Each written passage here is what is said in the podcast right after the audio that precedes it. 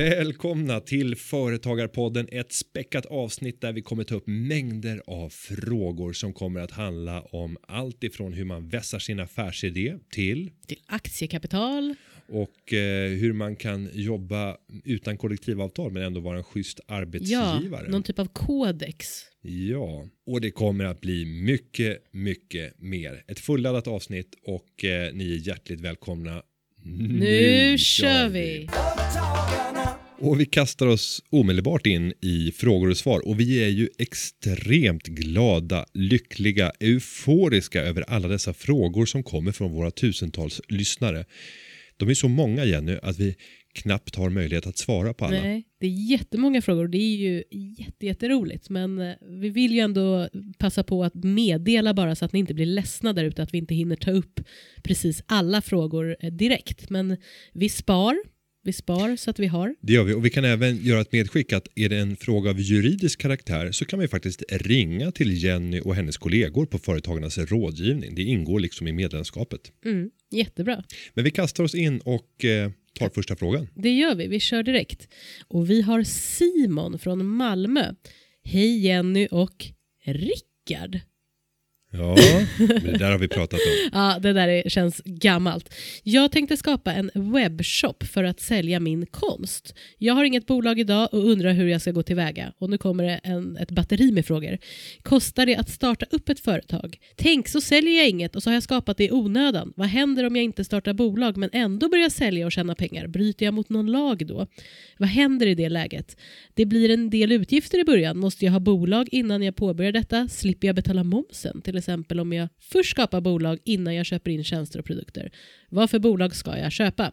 Och sen har han en liten extra grej här. Utöver detta så håller jag på att programmera en applikation för att testa strategier för att handla aktier med teknisk analys. Kanske blir detta kommersiellt i framtiden. Ska jag då sälja denna i samma bolag som det andra eller måste jag skapa ett nytt bolag? Oj, det var, må- Ja, det är många. det var Om, många om vi ska frågor. börja, börja baklänges och Ja. svara på frågan om eh, att blanda verksamheter. Att Ja. både sälja programvara för teknisk analys eller utvärdering av teknisk analys. Jag tänker inte gå in närmare på Nej. vad det är men eh, det handlar egentligen om att försöka förutspå framtida En klassisk Günther. Jag tänker inte gå in på vad det är, men det Ja, handlar men om jag ska det kan inte. så här, Ja. 20 sekunder. Ja, gör Ehm, det. Det handlar om en modell Mm. att försöka an analysera och göra estimat för framtida kursrörelser i värdepapper eller underliggande tillgångar genom att studera historiska prisrörelser.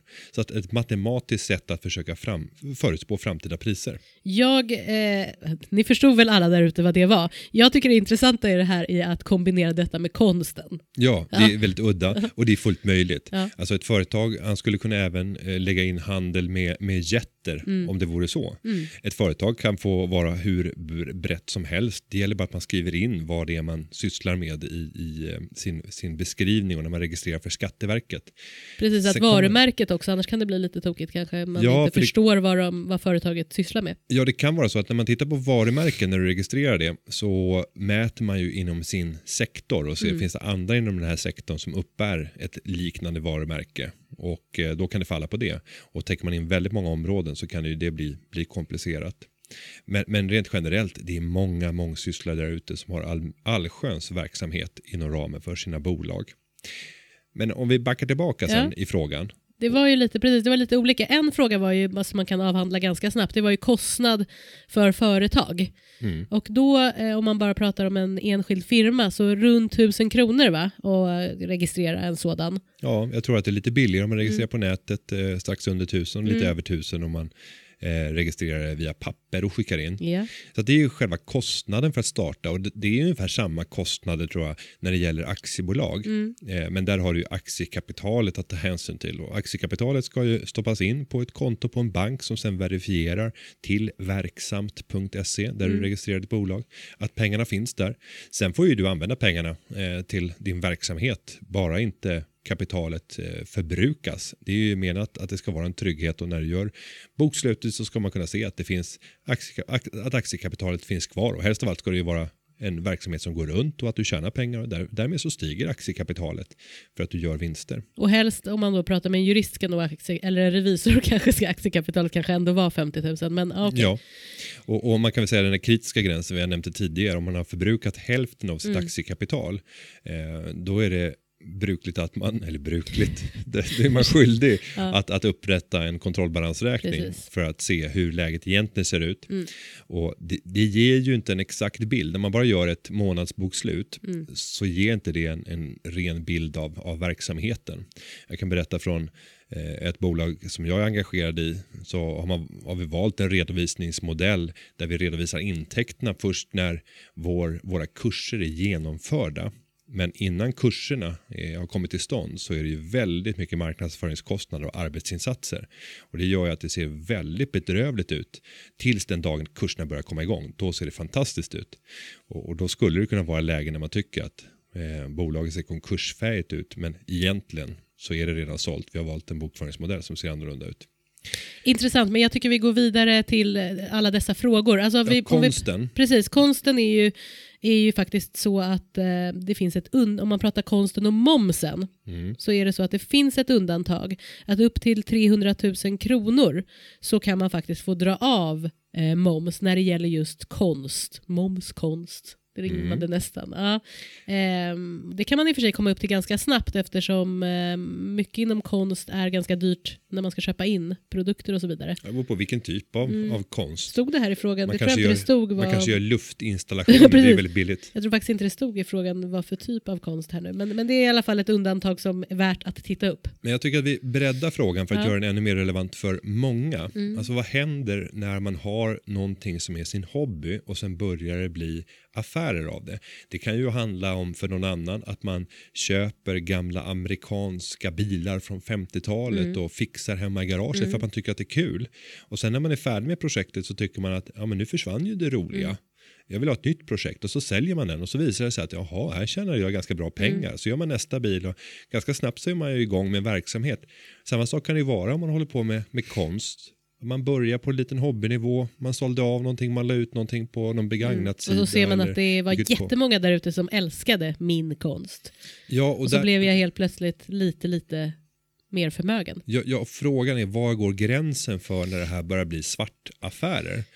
För att eh, en hobbyverksamhet som börjar bli liksom eh, att likna som en, en affärsverksamhet. Det är ju just det man tittar på. Alltså man tittar ju då om den bedrivs yrkesmässigt och då är ju lite frågan vad, vad är det då? Men, eh, och, och man tittar en, även på om det är en oberoende verksamhet och sen precis som alltid när det gäller Skatteverket så tittar man ju på En samlad Ja, bedömning. Precis, och det där är ju liksom, men det, men det är verkligen så, så att det är nog mycket möjligt att man ehm, börjar att det är lite kul inne i garaget eller vad man nu sysslar med. Och det här blir ju lite gråzon. Ja, för att är faktiskt. man duktig på att argumentera och hela tiden se, se till att samla bevisföring som kan leda en i, i bevis att det är en hobbyorienterad verksamhet och ej att betrakta som en affärsverksamhet så skulle man kunna komma upp i ganska höga värden. Jag menar, du kan ju sälja saker i ditt, ja, från, från ditt lösöre hemma. Alltså saker som du äger hemma. Block, tänk om man sen lägger ut jättemycket på Blocket, helt plötsligt har man ju tjänat ganska mycket. Ja, det kan ju vara så att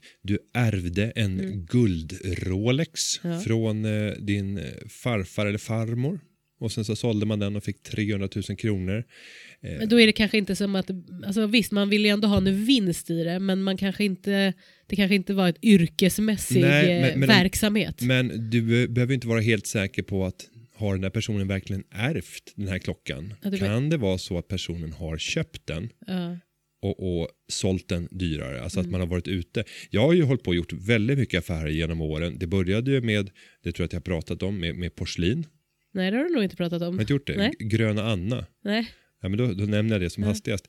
Det, det Hast. var, Inget, ja, jag nämner det som hastigast. Nej, det kommer inte vara hastigt. jo, det är hastigt. Okej. Eh, nej, men jag, jag insåg att Gröna Anna var Sveriges populäraste Eh, om, vi, om vi tittade på vad folk hade hemma när det gällde tallrikar och när det gällde serveringsporslin eh, så, så var Gröna Anna det mest populära. Vet du hur de ser ut? Nej, Det är eh, gröna blomstermotiv på. okej. Du har sett den väldigt Ja, många säkert. gånger. Ja.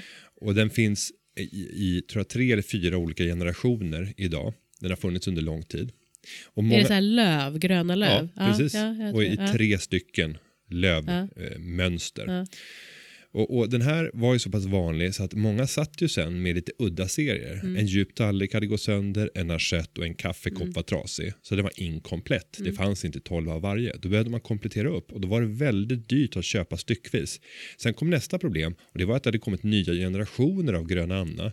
Så köpte man en ny Gröna Anna så passade inte den ihop med den serien som man hade tidigare. För man såg att det var lite annat snitt på tallrikarna. Man ser på färgen att det har hänt saker. Eh, Det är klart att det påverkas efter 10-20 år. Så vad var din affärsidé i detta? Jo, då köpte jag de som satt med just udda serier. Som satt med sju djupa tallrikar, eh, åtta stycken mattallrikar, nio assietter och så vidare. En såsnippel. Och sen sålde jag styckvis. För när jag köpte hela det kittet som var inkomplett så kunde jag få det för under en tusenlapp. Men sen kunde jag sälja styckvis produkterna för 100-150 Och kronor. vad var ditt forum för detta, denna försäljning? Till att börja med var det Gula Tidningen. Ja. Eh, och sen började det komma... Och hur gammal var du? eh, 12. nej, nej, det läget var väl 15, 16, 17. Ja. Eh, sen så började ju nätet komma och då kom det begagnatsidor på, på nätet som jag kunde börja handla. Sen höll jag även på med mountainbikes, köpte och sålde mountainbikes. Eh, och då åkte jag ut till sponsrade åkare, framförallt i Dalarna och lite i Hälsingland. Där var det många sponsrade Så åkare vem men det fanns är, inga vem marknader. är du? Alltså var får du dina idéer ifrån? Och vad, vad, Nej, att kunna tjäna, tjäna pengar, göra bra affärer. Och, var det bra affär då? Ja, det var bra Ja. Mm. affärer. För att de här sponsrade åkarna de fick en ny hoj året efter. Och då sålde de den där och det fanns ingen marknad. De kanske var i Ludvika. Det Mm. fanns inte jättemånga som hade råd att köpa en hoj som ursprungligen kostade 40 000. Så att då fick de kanske sälja den för 8 000 Mm. eftersom de hade använt den. Då kunde jag åka upp, ta en enkel biljett via tåget eh, till Ludvika och sen så köp, köpa cykeln, cykla hem paketera den och marknadsföra den i Stockholm och framförallt åka ut på mountainbikes event när det var stora tävlingar och också saluföra den inför andra. Och då kunde priserna stiga med 50% om man bara paketerade det på rätt sätt. Så det gjorde att jag kunde ju omsätta två, tre cyklar per, per år och, och det där var ju provocerande för klubbmedlemmarna för de tyckte vilket jävla as. Han kommer med Ja. nya värstinghojar varje, liksom, varannan månad så kommer han med en ny värstinghoj. Och sen så har han bara bytt ut den och i själva verket det var ju affärsverksamhet. De brände pengar på sin hobby. Jag tjänade pengar på min hobby. Alltså Günther Mårder, alltid en inspirationskälla ja, det vet jag inte. till bra affärer. Men det här var ju hobbyverksamhet. Ja, det var det ju. Och, och, Eller, och ja. jag, jag hade kunnat, liksom, gentemot Skatteverket, om jag hade fått en granskning så hade jag fullt ut kunnat förklara. För jag hade kunnat hävda att nej, men jag måste testa cyklarna, Mm. jag måste se om, om jag funkar tillsammans. Det här är liksom ett, ett, ett ståldjur, en, en vild stålhingst som jag ska tygla. Eh, och när jag känner att det inte är rätt, då måste jag gå vidare. Då säljer jag den och då får jag det jag får för den. Och ibland är det mer, alltid är det... Alltid är det mer, men, men, mer. men återigen, Skatteverket kanske skulle få göra sin Jag egen samlade bedömning. Ja, men jag hade, jag hade, klarat jag hade klarat Ja. mig för jag hade kunnat argumentera för det. Däremot om den här konstverksamheten börjar bli lite Nu är vi tillbaka på frågan, Mm. lyssnare där ute. Det var en väldigt, väldigt lång... Eh, Nej, allt är svar på frågan. Okej, ja. Eh, Men just när det gäller konstverksamheten så är det, är det mer komplicerat om man jobbar med, skulle jag säga, ett och samma typ av objekt. Om man liksom börjar massproducera en viss Mm. typ av konstverk eller liknande där man ser att det finns en, en, ett repetitivt moment, att du kan bara spotta ut, det blir mer produktionslikt. Vad var skillnaden i det du höll på med med dina cyklar? Det var också repetitivt, Ja, kanske inte var lika fast- många men det var Nej, ju... och det, det är inte repeterbart i Nej. dess identiska skick. Mm. Men om du har byggt upp en produktionslina hemma, det är ju många eh, mammor som under sin, sin föräldraledighet kommer på att starta företag. Vi har tagit upp det tidigare. Mm. Vart femte företag som startas av en kvinna görs under föräldraledigheten. Ganska vanligt är att man börjar göra saker kopplat till sin baby, sin älskade baby. Och det finns ju till exempel så här åkpåsar. Mm. Hur många är det inte som har liksom börjat göra det till en verksamhet? Sy åkpåsar när barnet sover och är litet och inte behöver så mycket uppmärksamhet. Mm. För att sen gå ut och sälja på begagnat sajter. Det är också en processlina. Där är Mm. det mer tveksamt. Om man ska prata så här gråzon, då gäller det ju liksom att undanröja bevis för en motpart, och det här är gråzon, att kunna se hela försäljningskedjan. Jobbar man med multipla säljkanaler och, och det här man, får stå för Günther. ja, och där man inte kan se kopplingen mellan dem, jobbar man med olika mobiltelefonnummer, olika namn, Okej, ja, det börjar gå lite... Nej, Nej, men alltså, Jurister bara sitter och skakar här. nej men det börjar gå till... Nu, eh, hobbyverksamhet eller inte, det, jag tror att man eh, förstår vad som är hobbyverksamhet och vad som inte är det. Eh, det viktiga är ju faktiskt att om, man, om det inte är en hobbyverksamhet och man bara fortsätter att driva en, en verksamhet, då kan det här faktiskt ses som att det är något typ av skattebrott eller bokföringsbrott eller något liknande. Så att det är Ja. väl bra om man har en tanke att det här ändå är en verksamhet, att man startar exempelvis en enskild firma och att man börjar driva det här som en verksamhet. Ja, och om Simon kommer igång med sin verksamhet eh, och har det som sin hobby, men sen går det väldigt bra han säljer Mm. och det blir processorienterat, eh, då kan det vara så att det uppstår ett företag utan att han ens är medveten om det. Att Skatteverket kommer att göra tolkningen att det här är Mm. Just ett det. enkelt bolag. Och då kommer all eh, intjäning att sen beskattas som inkomst av tjänst. Mm. Precis. Och det kanske läggs ovanpå att han har ett vanligt jobb, vilket kan- gör att det blir väldigt Ja, hög så skatt. det kanske ändå är fördelaktigt att ta sig en funderare efter ett tag och se om man ska starta det där företaget. Ja, och fördelen med att ha ett bolag i det läget är att du även kan dra kostnaderna. För det kan du inte göra om du håller på hobbymässigt. Sen finns det ju i lagstiftning, jag tycker det här är så roligt, eh, när det gäller att plocka bär. Där finns det ju tydliga gränsvärden för, och jag kan inte gränsvärdena, men det finns gränsvärden för Hur många bär är det? Hur mycket du får tjäna Ja. på att sälja bär. Ja. Och där finns även ytterligare en sak angivet och det är kottar. Ska man plocka kottar? Ja, det finns i lagstiftning, kottar. Eh, Det finns gränsvärden för hur mycket kottar får du plocka och sälja. Hur mycket får du tjäna på försäljning av kottar. Jag har aldrig tjänat en krona på att sälja kottar. Nej, det där måste vi kolla upp. Ja, Ja. kottar. Vidare till nästa fråga. Ja. Och nästa frågeställare heter eh, Bilvårdsproffset. Det är väl antagligen företagsnamnet då. Och vi definierar det här som hisspitchen, även om bolaget redan är igång. Eh, Bilvårdsproffset kommer från Sundsvall och han tackar såklart för en bra podd. Den här personen är 22 år gammal och har kört lastbil fram tills nu. Sen har han varit väldigt driftig och bestämt sig för att jag ska hoppa av, starta ett, ett eget eh, bolag och det har han gjort, ett aktiebolag som håller på med bilvård. Och under tiden som han jobbade så samlade han ihop en halv miljon kronor som han har som buffert 22 år. Det här Bra är jobbat. Mycket snyggt. De här pengarna håller han utanför bolaget för att han ser inte att han behöver stoppa in dem i bolaget. Han jobbar helt ensam i det här bilvårdsföretaget och det gör han för att han vill ha högsta möjliga kvalitet i leveransen. Han vill ha ett grymt bra rykte skriver han. Sen så tar han betalt för de här tjänsterna. Han ligger på en timkostnad på 375 kronor ex moms per timme. Och han tycker att det är rätt bra betalt. Eh, Och han har som mål nu att slå ut sina konkurrenter. För det finns många som står beredda att betala väldigt mycket för att få eh, sina bilar fixade i toppskick. Eh, Han lever snålt, precis som en, en lärjunge till. Günther. Ja. Extremt låga omkostnader vilket gör att han kan lägga undan mycket pengar i sparande. Eh, och nu vill han ha coachning. Vad är det han ska tänka på? Hur ska han utveckla sitt företagande? Vad är det han har, har missat? Eh, och han jobbar rätt aktivt när det gäller marknadsföringen och har jobbat i sociala medier, har 500 Ja, likes på. Facebook, kunderna får gå in och ge betyg. Så han verkar vara flyhänt när det gäller just den delen av marknadsföringen.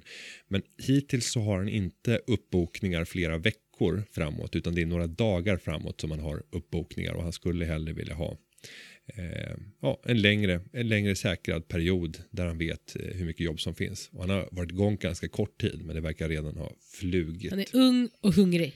Nu vill han ha alla tips Ja. som går för att utveckla och bli en framgångsrik företagare. Kan vi inte börja i rätt ände? Ja. Och, och, och jag får fråga dig, vad är bilvård?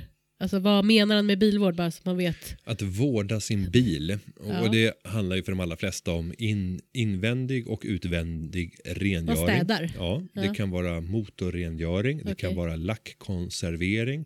Eh, Det kostar inte så mycket då tänker jag bara som liksom pratar runt. Det är inte så dyra omkostnader kanske då när man... nej, det är ju, den stora kostnaden är ju... Inga reparationer liksom. Nej, den stora kostnaden är arbetskraft. Mm. Reparationer kan väl begränsas till mindre lackskador när man Ja. kan jobba med liksom, eh, olika typer av täckstift för att eh, dölja eh, mindre repor och skador.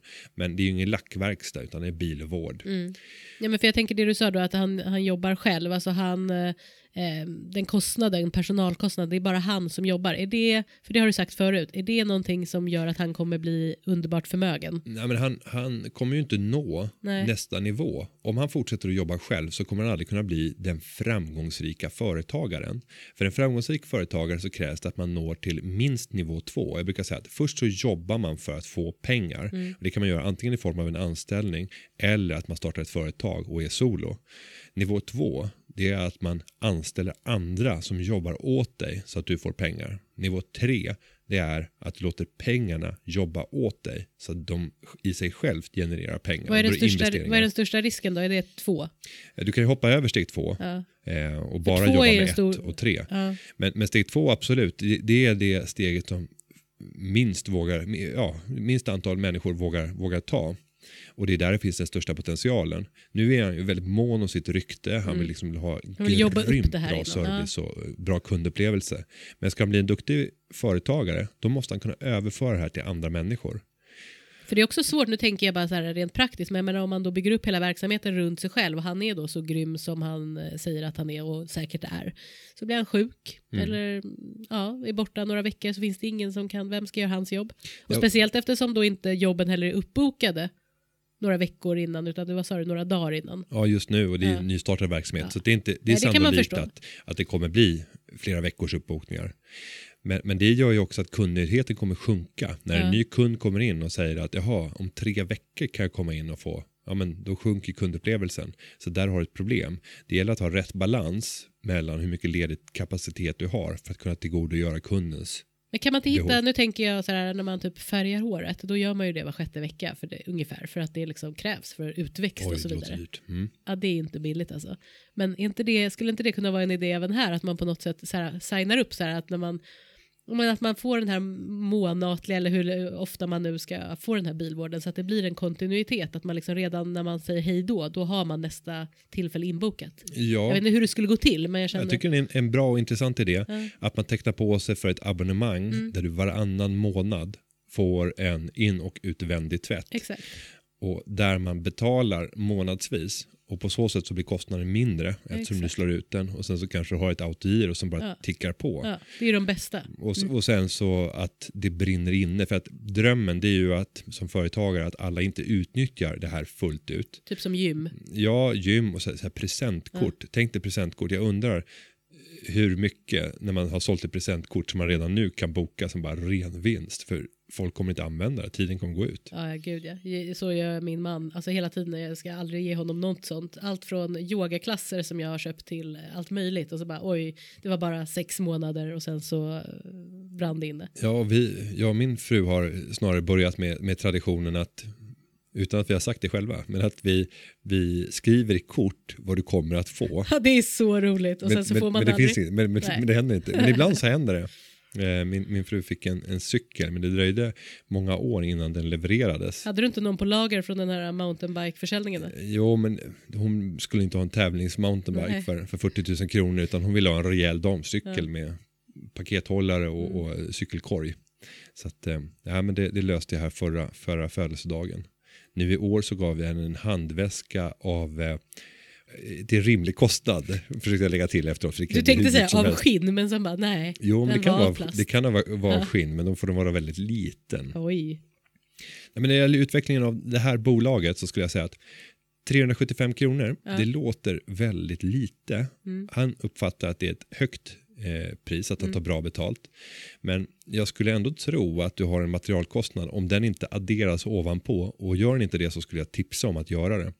Eh, och, och, och i materialkostnaden i det här fallet, det kan vara allt ifrån olika typer av vaxer som man vaxar upp bilen med, det är bilschampo, det är avfettning, det är fälttvättar, eh, det är inköp av nödvändig utrustning för att kunna dammsuga. Det känns som att Günther känner typ av- till den här... Nej, men om man bara håller på att vårda sin egen Ja. bil. Liksom du ska ha en högtrycksanläggning, du kanske vill ha tryckluft för att kunna göra rent. Så det är ganska mycket grejer som du behöver för att kunna göra ett riktigt bra jobb. Och det är klart att de kostnaderna ska ju rymmas inom ramen för, för eh, timpriset. Men han måste ju ha gjort en, förlåt att jag avbryter, men alltså han måste ju ha gjort någon typ av undersökning vad priserna ligger på. Om man inte har gjort det kanske man kan göra det. Så att, Ja, om man nu ligger fel i pris som du hävdar. utmaningen i den här branschen det är att det finns väldigt många aktörer Mm. som inte håller speciellt hög kvalitet. Att man anställer vem som helst Mm. som behöver ett jobb. Man kan till och med anställa med hjälp av olika stödsystem, folk som har varit eh, arbetslösa eller befinner sig långt ifrån arbetsmarknaden och nästan få arbetskraft gratis. Mm. För att det är en ganska kort startsträcka för att göra det elementära jobbet Mm. när det gäller bilvård. Men sen att nå upp till toppnivån så är det rätt mycket du måste Och leverera. det är väl därför han inte vill ha någon annan än sig själv. Nej, men han skulle kunna skola upp. Mm. Och jag tror att om han ska bli framgångsrik så måste han öva på att överföra sin grymhet till andra människor. Men hur tidigt måste han göra det här? För nu är han ju 22 år gammal, han, ska ju ändå liksom, han är som vi sa ung och hungrig, han har jättebra ambition här. Kan han inte börja med eh, att köra det här och, och göra allt du säger fast göra det själv, liksom bygga upp det här och sen ta in någon? Eller hur tidigt ska man jag våga ta in någon? mycket tidigt. I Ja. det här läget så tror jag att han har en rätt bra lokalkännedom i Sundsvall. Det kan tänkas att han har syskon vilket gör att han har kontakt med personer som är tre fyra år yngre. Skulle han plocka in en Hans syskon kanske han kanske själv är yngst. Ja, det kan vara så. Men han kanske har en kusin ute på Alnön. Ja, Jag har rötter från Alnön Ja, faktiskt, okej utanför. Sundsvall. Eh, nej, och skulle han plocka in någon Mm. riktigt skoltrött person men som drivs av att liksom få göra Tjäna bilar pengar. fina och tjäna pengar. Ja. Då kan du få det till en väldigt låg kostnad. Det är en formbar person. Kunna erbjuda den här personen delägarskap på sikt och säga Mm. att om du lyckas leverera, nu är du 18 år, om du levererar bra nu och vi når den här omsättningen och Så vi får har du vid här 45 beläggningen. års Nej. ålder, Nej, men vi, om tre Ja. år, då kommer du att få 15% av hela företaget. Oj. Mm. Fortsätt det och lyft det till nästa nivå så att vi omsätter 8 miljoner kronor. Då ska du få ytterligare 10% av företaget. Så att man hela tiden skapar morötter. Och ser till Mm. Morötter att du får mycket drivkrafter hos personalen att vilja växa businessen och göra affärer.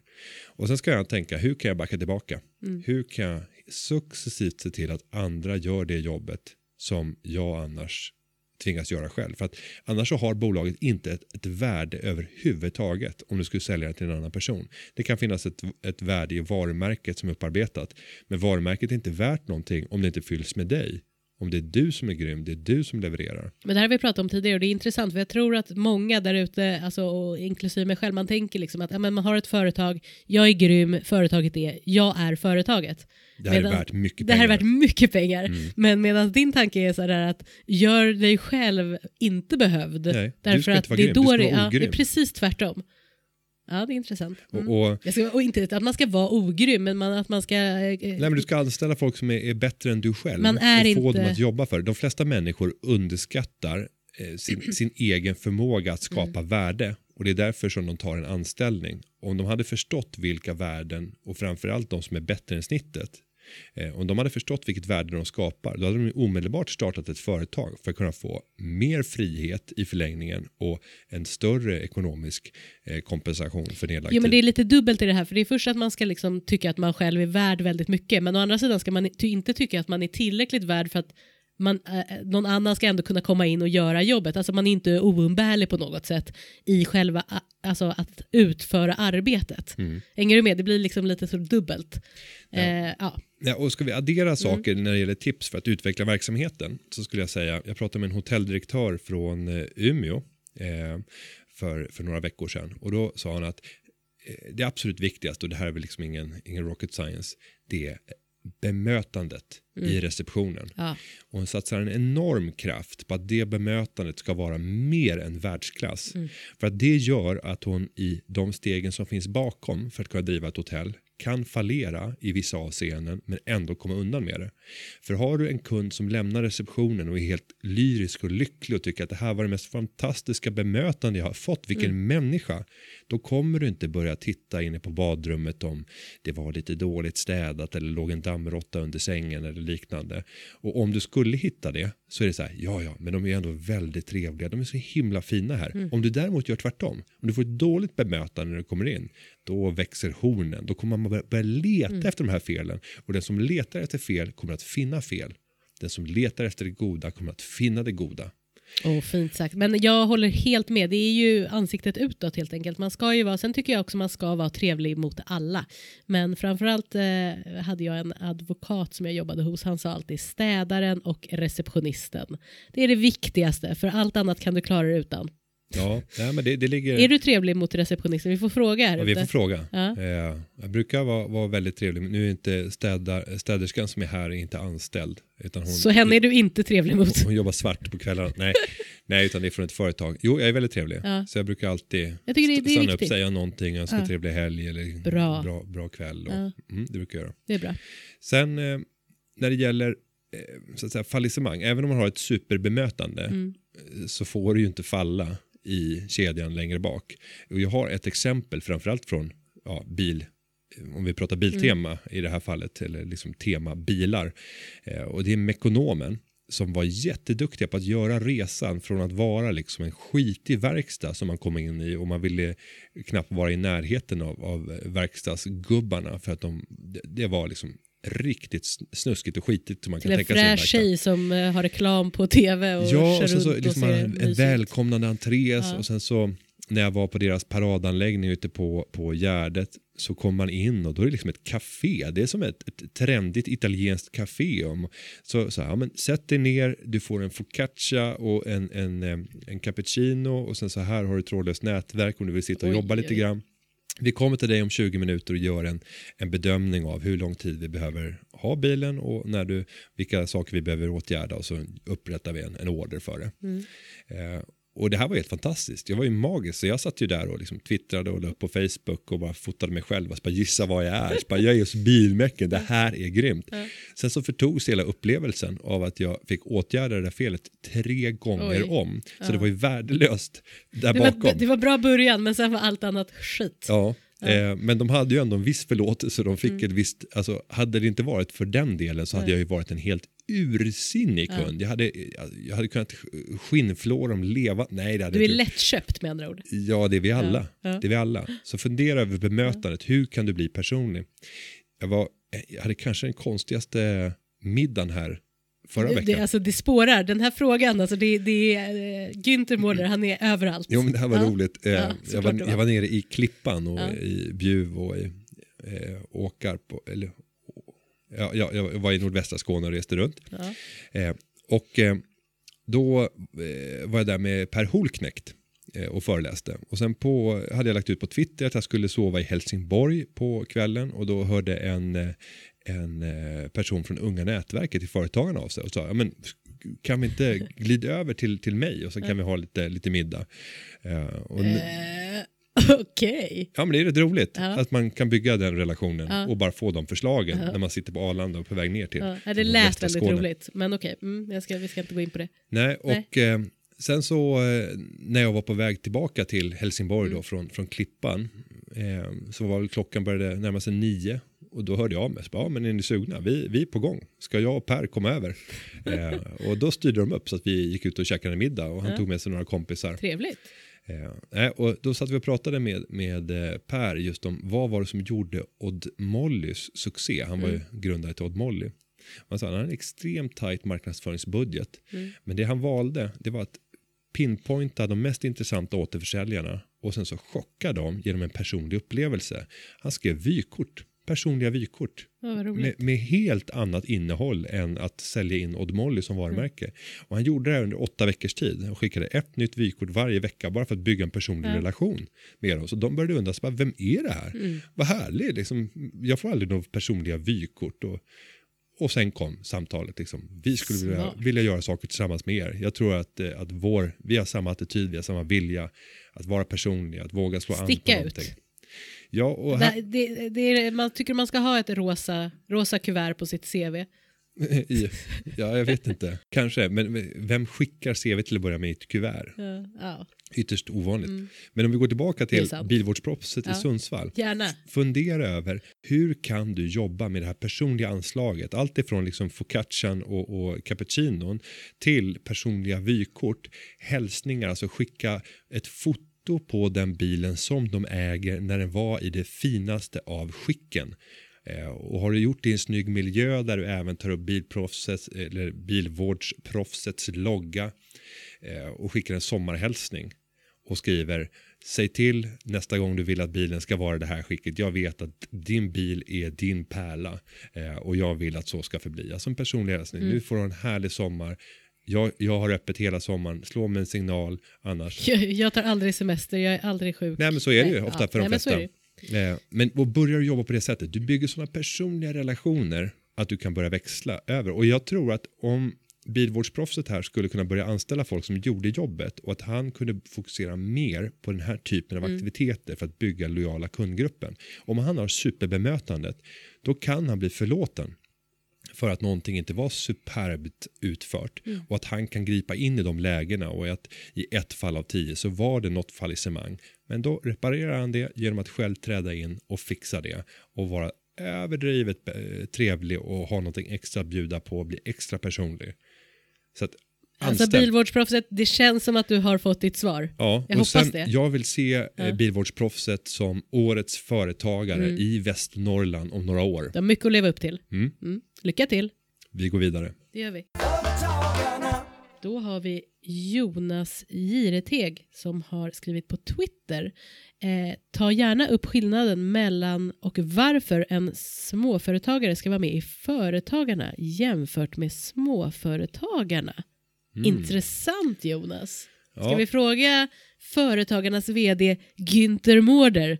Vad Ja. tycker du om det här? Nej, men och egentligen så känns det eh, taskigt eh, att jag ska sitta och recensera. Egentligen så hade jag behövt sitta med en företrädare från dem för att diskutera hur ser våra olika erbjudanden ut. Men jag tycker så här, gå in på hemsidan och jämför. Om vi tar bakgrunden så kan man säga att Småföretagarnas riksförbund startades år 2010. De flesta förväxlar det namnet med Småföretagarnas riksorganisation. Och där är det jag som är ordförande. Jaha, Jajamensan. Och det hänger samman med att det var en av de två organisationer som var stora och gick samman en gång i tiden och bildade Företagarna. dumt med namnen då. Ja, och då fanns det här. Småföretagarnas riksorganisation var ju inarbetat. Många småföretagare kände till det. Det fanns en positiv renommé kopplat till det. Men eftersom vi inte använt det namnet så tror jag att man såg en möjlighet att eftersom många känner till det här namnet så kan vi bara ändra ändelsen till riksförbund så kommer vi kunna få en känsla av att det är det gamla som fortfarande är kvar. Men det Just startade 2010. Eh, när det gäller deras erbjudande och vi ska jämföra med vårt så är det både så att båda erbjuder förmåner, alltså Mm. bättre villkor på allt ifrån eh, bilar, drivmedel, eh, telefoni, sådana saker. Mm. Vet inte hur det ser ut på försäkringssidan. Vi har ju en väldigt eh, djup eh, och stort försäkringserbjudande, företagarna Garant Försäkring. Sen en annan sak som gör oss liknande det är ju att vi båda har juridisk rådgivning. Jag vet inte hur många de har. Nej, jag vet, skulle inte tro heller, att- eller jag vet inte heller hur mycket de har om de har. Vi har Nej, ju men- väl, men tro- företagarna har ju väldigt mycket. Ja, troligtvis skulle jag tro att de kanske har en och en halv anställd, kanske två anställda. Vi har åtta stycken, men det är för att vi är 70 000 medlemmar. Eh, De anger att de är ungefär 20 000 medlemmar i, på Wikipedia. Eh, vad de däremot inte har, det är ju den lokala verksamheten. I företagen så finns det ju 2600 förtroendevalda som jobbar i en styrelse lokalt där du bor i 260 olika kommuner. Eh, Så inte alla svenska kommuner. Eh, och de arrangerar ju aktiviteter som kan vara utbildningar, seminarier, kunskapsspridande delar, möten med politiker. Och eh, den typen av verksamhet finns inte i någon större omfattning i småföretagarna. Därtill så skriver de ju att de är en, liksom en opinionsbildare och deltar i det politiska arbetet för att stärka företagares möjlighet att lyckas. Ja, och det är precis vad vi gör också. Jag har ju 25 stycken anställda som helt eller delvis jobbar i de funktionerna. Jag har 14 regionchefer som jobbar med lokal politik. Eh, Och jag har, och jag är ute hela tiden och träffar såväl liksom regering, liksom enskilda ministrarna, jag sitter med deras sakkunniga, jag sitter med, med eh, eh, opposition, är med i alla tänkbara sammanhang och alla intresseorganisationer på alla håll och kanter. Halva min vardag handlar om att, att möta olika typer av beslutsfattare i samhället som kan påverka näringsklimatet i Sverige.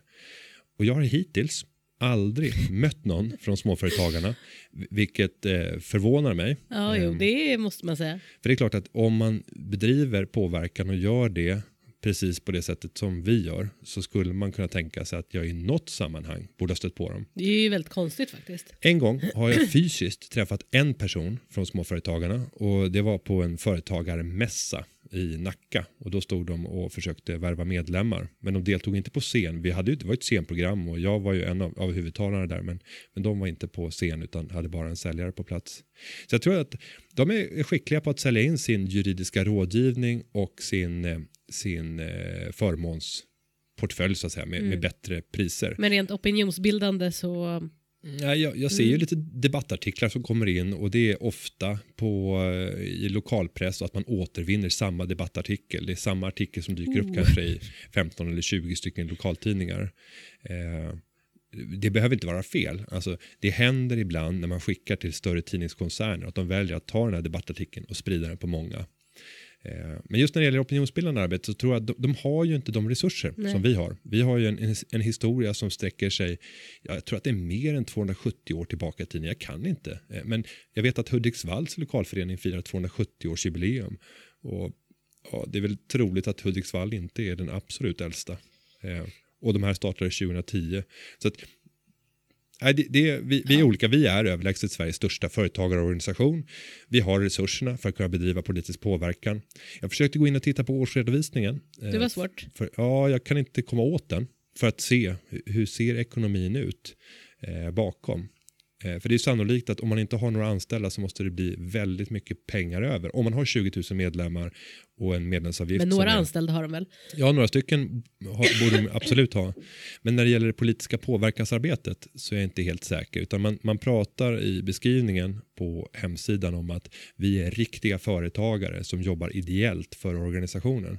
Och det är ju ädelt. Och vi har 2600 sådana. Jag är också företagare men jag är också vd eh, för företagarna och det är många av de anställda som också är företagare. Så det är egentligen inte någon motsättning tror jag. Eh, Men det är egentligen upp till dem att, att få besvara hur deras erbjudande ser ut. Det viktiga för, för mig är att fortsätta liksom, med kraft driva företagares frågor i, i opinionen, försöka påverka näringsklimatet och sen se till att erbjuda kunskap, nätverk och praktisk hjälp. Det är våra tre delar utöver politiken. Amen. Yes. Så där hör du Jonas Jireteg, Mm. likheter och skillnader. Precis. Och så ska jag säga att nu vore det klädsamt om de själva fick komma till svars. Men de får väl eh, göra något blogginlägg eller lägga ut någonting på Twitter och förklara likheter och skillnader. Och om jag har haft fel i någonting av det jag sagt. Varsågoda. Vi går vidare. Vi går vidare till Pia Schill från Örebro under Bli underbart förmögen i kategorin. Har man som privatperson rätt att kräva ersättning gentemot företag för arbete man får lägga ner på grund av felaktigheter från företaget i fråga? Tänker på den möda som det innebär att administrera en överklagan angående felaktig parkeringsbot till exempel. Har hänt ett par gånger och det irriterar mig varje gång jag får en e-post tillbaka där det står att fakturan är felaktig och att jag kan bortse från den. Hennes fråga är helt enkelt, eh, kan man eh, få ersättning, alltså någon typ av skadestånd för att man lagt ner massa tid och energi på att eh, ja, överklaga eller kontakta en myndighet eller vad det nu kan vara. Nej, det här är svårt. Det Det, är här är mycket mycket, svårt. svårt. Mm. Eh, närmast omöjligt i de flesta fall att kunna få den typen av ersättning. Om man däremot eh, driver process mot företaget i fråga, vilket kan hända eh, om man bestrider, då om man vinner så kommer man få alla sina omkostnader täckta. Eh, Så därmed kan man få ersättning. Men om man bara gör en sån här enkel förlikning så att säga att företaget ger omedelbart med sig och säger att ja, förlåt, det där var fel, det var fel, jag backar från den. Och så har du lagt ner en timme på att liksom skriva ett svar och förklara varför Mm. det här var felaktigt. Då är det svårt att kunna få ersättning för den timmen. Eh, Man kan ju alltid testa. Du har ingen, eh, jag tror inte jag tittar på dig, men du har ingen laglig rätt att kunna få igenom det. Men du kan ju testa att försöka få en kompensation genom att eh, uppskatta någon rimlig, rimlig Alltså, så, kompensation ja men precis, alltså, så här är det ju. När man pratar om den här, det är ju en ren ekonomisk skada som man skulle kunna hävda att man har fått på något sätt. Och då kallar man inom skadeståndsrätten för ren förmögenhetsskada.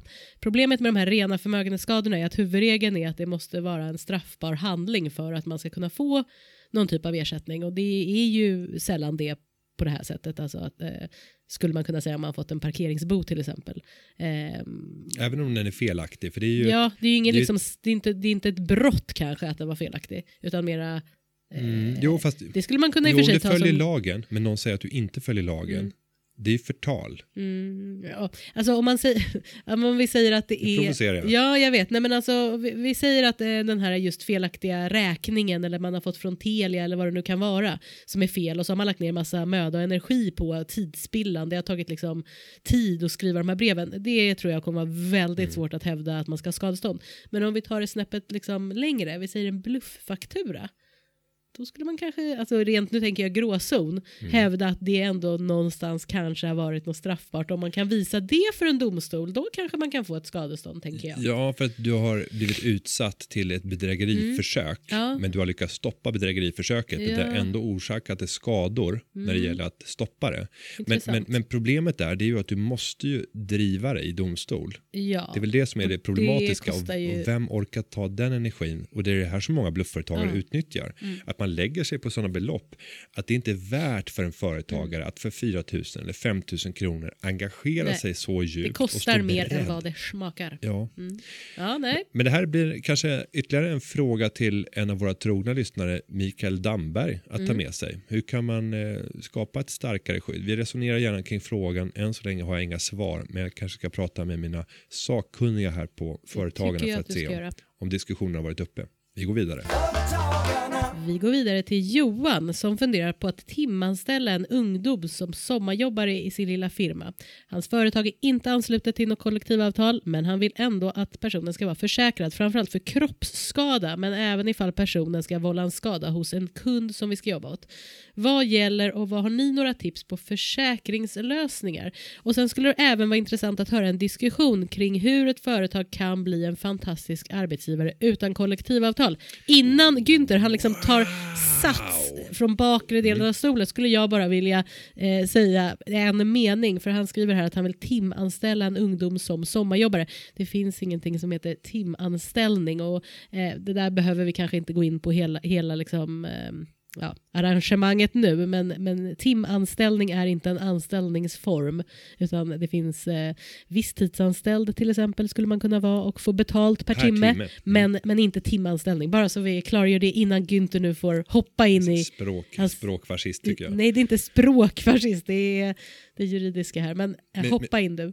Jag vet inte om, om frågeställaren här vet vilka, vilka eh, känslor som har väckts Nej, nu. men Och- många, för du Jag undrar, ser om, väldigt var, jag undrar om det var Yngve, Yngwie Malmsteen som eh, på ett plan, jag tror att jag har sett det på så här, Filip och Fredrik Best of, alltså You released the fucking fury. Det är ungefär så du ser När, ut nu. när en flygvärdinna spillde över någonting eh, på, på honom. You released the fucking fury. Och i det här läget så Ja. är det precis Oj. vad som har hänt. Oj, Men nu är det Günther. spännande.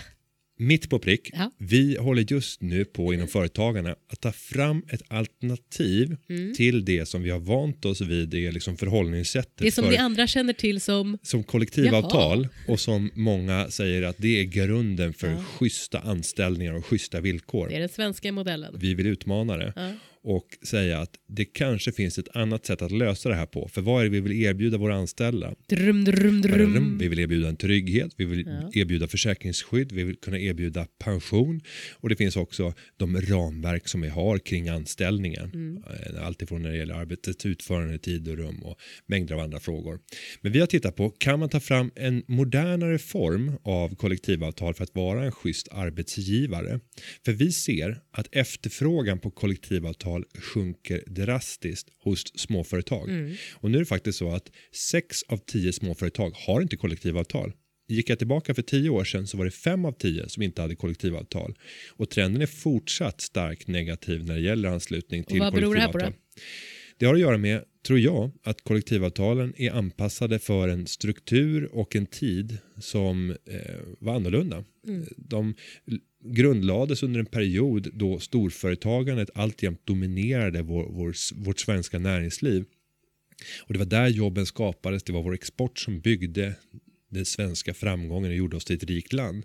Men tittar vi nu de senaste 10, 15, 20 åren så är det inte där jobben skapas utan det är småföretag. Så just nu så myllrar det och det blir en tillväxt av småföretag samtidigt som vi ser att storföretag drar ner sina anställda generellt sett i Sverige. Sen fortsätter storföretag även att köpa tjänster som man tidigare kanske hade internt. Ericsson är ett bra exempel. Ehm, de har lika många anställda idag ungefär som de hade år 2000. Men för den svenska delen så är det väsentligt många färre. Däremot så är det många före detta Ericsson-anställda som fortfarande gör uppdrag åt Ericsson men i det här läget då som olika typer av konsulter. Så att det har växt fram då en flora av småföretagare som levererar in. Okej, kom tillbaka till det spännande jo, i det här. Det spännande det här, i det här ja. läget det är ju att de här företagen har inte kollektivavtal eh, i sex fall av tio. Men de vill erbjuda schyssta villkor.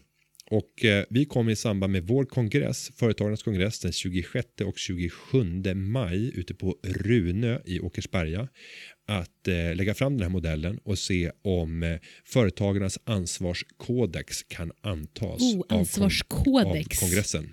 Det låter spännande. Och där har vi lagt in alla de momenten som är viktiga. Till Ja. exempel försäkringar för att täcka kroppsskada eller skada som man kan orsaka på annan via sin Mm. anställning. Vi har täckt in med när det gäller pensioner. Vi har tittat på alla de momenten som är viktiga.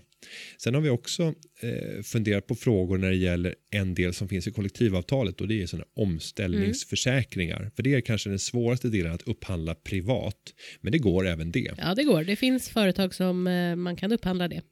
Så att eh, allt det som finns i ett kollektivavtal Mm. går att upphandla privat och du kan skapa ett eget liksom ett eget avtal Mm. även om du inte har företagarnas ansvarskodex eller om du har ett, inte har Men vad kommer skillnaden vara alltså mellan den här ansvarskodexen och till exempel då ett kollektivavtal? Den stora skillnaden det är att vi tar bort motsatsförhållandet som finns här mellan arbetstagarorganisationer, alltså facket och arbetsgivarorganisationer från andra sidan som står och stångas mot varandra eh, när avtalen ska, ska revideras.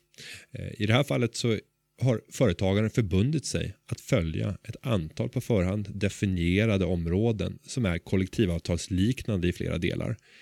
Vilket innebär att det här är en schysst, det är en anställd, det är en företagare som erbjuder schyssta anställningar. Och ingen, vare sig från fack eller från arbetsgivarorganisationer, kan hävda att det inte är schyssta villkor i det här. Och det finns en viktig orsak till att det här kan vara viktigt.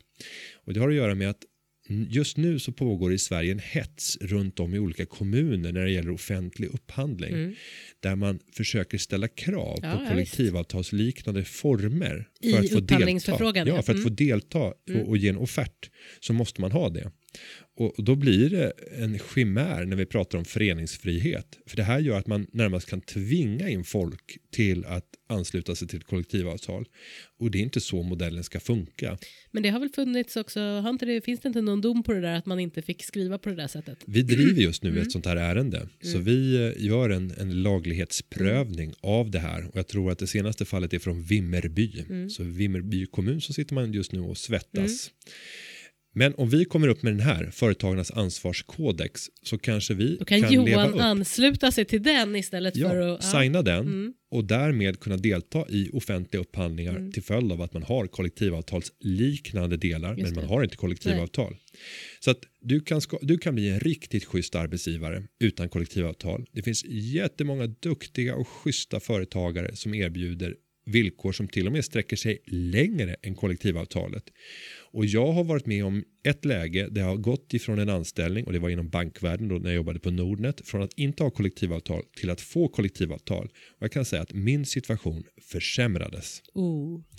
Eh, Och det var, var framförallt kopplade till min pension då valfriheten för mig när det gällde hur jag skulle investera min pension inskränktes. Och det var en otroligt viktig del för mig eftersom jag eh, kunde förvalta det här och in- investera i enskilda aktier.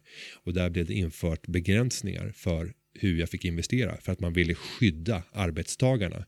Och det där skyddet blev ett straff för mig som arbetstagare eftersom jag då tvingades köpa produkter Som du inte vill ha. som jag inte ville ha Nej. och som hade en förväntat lägre avkastning. Och dessutom så tyckte man då att ja, men, nu har anställda tjänat på att vi har fått in lite extra klämdagar här och där. Och min grundfilosofi även inom ramen för en anställning det är att jag inte går till jobbet för att vara ledig. Jag går hit för att leverera. Nej, men jag vill leverera resultat. Jag vill Ja. vidare i mitt liv. Jag vill se hur jag kan liksom, nå min fulla potential Det är vackra ord. och också kunna utvinna den frihet och den ekonomiska kompensation som man kan nå givet riktigt goda prestationer. Och jag tror att fler mä- människor borde tänka på Ja, det sättet. eh, tack, för den. Tack för den. Men Johan, om du inte hinner, eller om du vill innan den här kodexen kommer ut, så kan det ju vara så att eh, det finns ju försäkringslösningar även för dig att upphandla eh, redan nu. Till exempel alltså Fora kan man ju faktiskt ansluta sig till utan att man har kollektivavtal. Eh, Collectum kan man inte göra det, men, men Fora kan man göra det och de har ju alla de här, eh, du pratade om arbetsskada till exempel, de har ju sån här TFA, trygghetsförsäkring vid arbetsskada, men den kan man ju även upphandla säkert på andra eh, ja, olika typer av försäkringsföretag, säkert vissa banker, men pension är väl den fråga som ändå, nu när du pratar om pension, mm. det är väl den frågan när man pratar om hur ska man bli en grym arbetsgivare utan eh, att ha kollektivavtal. Pension är ju det, det är ju det vi pratar liksom stora pengar, eh, men även pensionslösningar behöver man ju inte ha ett kollektivavtal för Absolut att... inte. Nej, att, eh, men, men, det är den stora ekonomiska kostnaden. Ja. Andra saker kan kosta mycket i så att säga, regelefterlevnad och administrativ Exakt. börda, men just pensionen är väldigt tydligt kronor och Mm. ören. Det ökar kostnader för anställningen. Men det är klart att det är schysst. Men om man ska timanställa en Mm. ungdom, man ska nog inte timanställa, men ja, Nej, eftersom nej, det men- kunde man inte. nej, Nej. men, men om du har en viss tidsanställning Ja. eh, och, och i det här fallet så eh, så är det ju väldigt generöst. Om Ja. personen är under 26 Mm. år så är det minimala avsättningar som görs eh, Mm. till, till tjänstepension. Så det gör att det blir rätt så billigt. Mm. Är det däremot äldre personer så, så stiger Ja. kostnaderna brant. Men Johan, jag hoppas att du har fått ett fint svar på denna fråga, helt enkelt. Vi säger You lycka till. The Ja. fucking fury. ja, det är bra. Ja, Mm. i mitt nästa liv så vill jag bli en sån här voice-over. Det tror jag att du skulle kunna bli. Ja, Bra röst.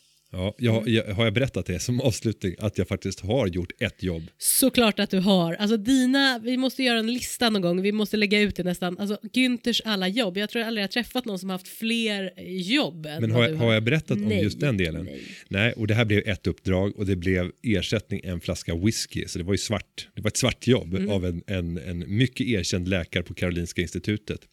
Eh, och jag fick göra en, eh, en film där jag var voiceover och pratade om abscesser. Vet du vad abscesser är? Nej. Det är knölar i bröstet som man kan få eh, som kvinna eh, och de tar man bort med en pigtail-kateter. Och det här får alltså eh, läkarstudenter sitta och titta på. Och jag har stött på kompisar som har gått läkarutbildningen eh, och där eh, de har sagt i efterhand att vänta nu, var det, var det din röst jag hörde på den här utbildningsfilmen om pigtail-kateter som man skulle använda när man tog bort abscesser? Och då får jag ju stilla erkänna att ja, det var jag och jag fick en god flaska whisky som tack för besväret. Jätteroligt.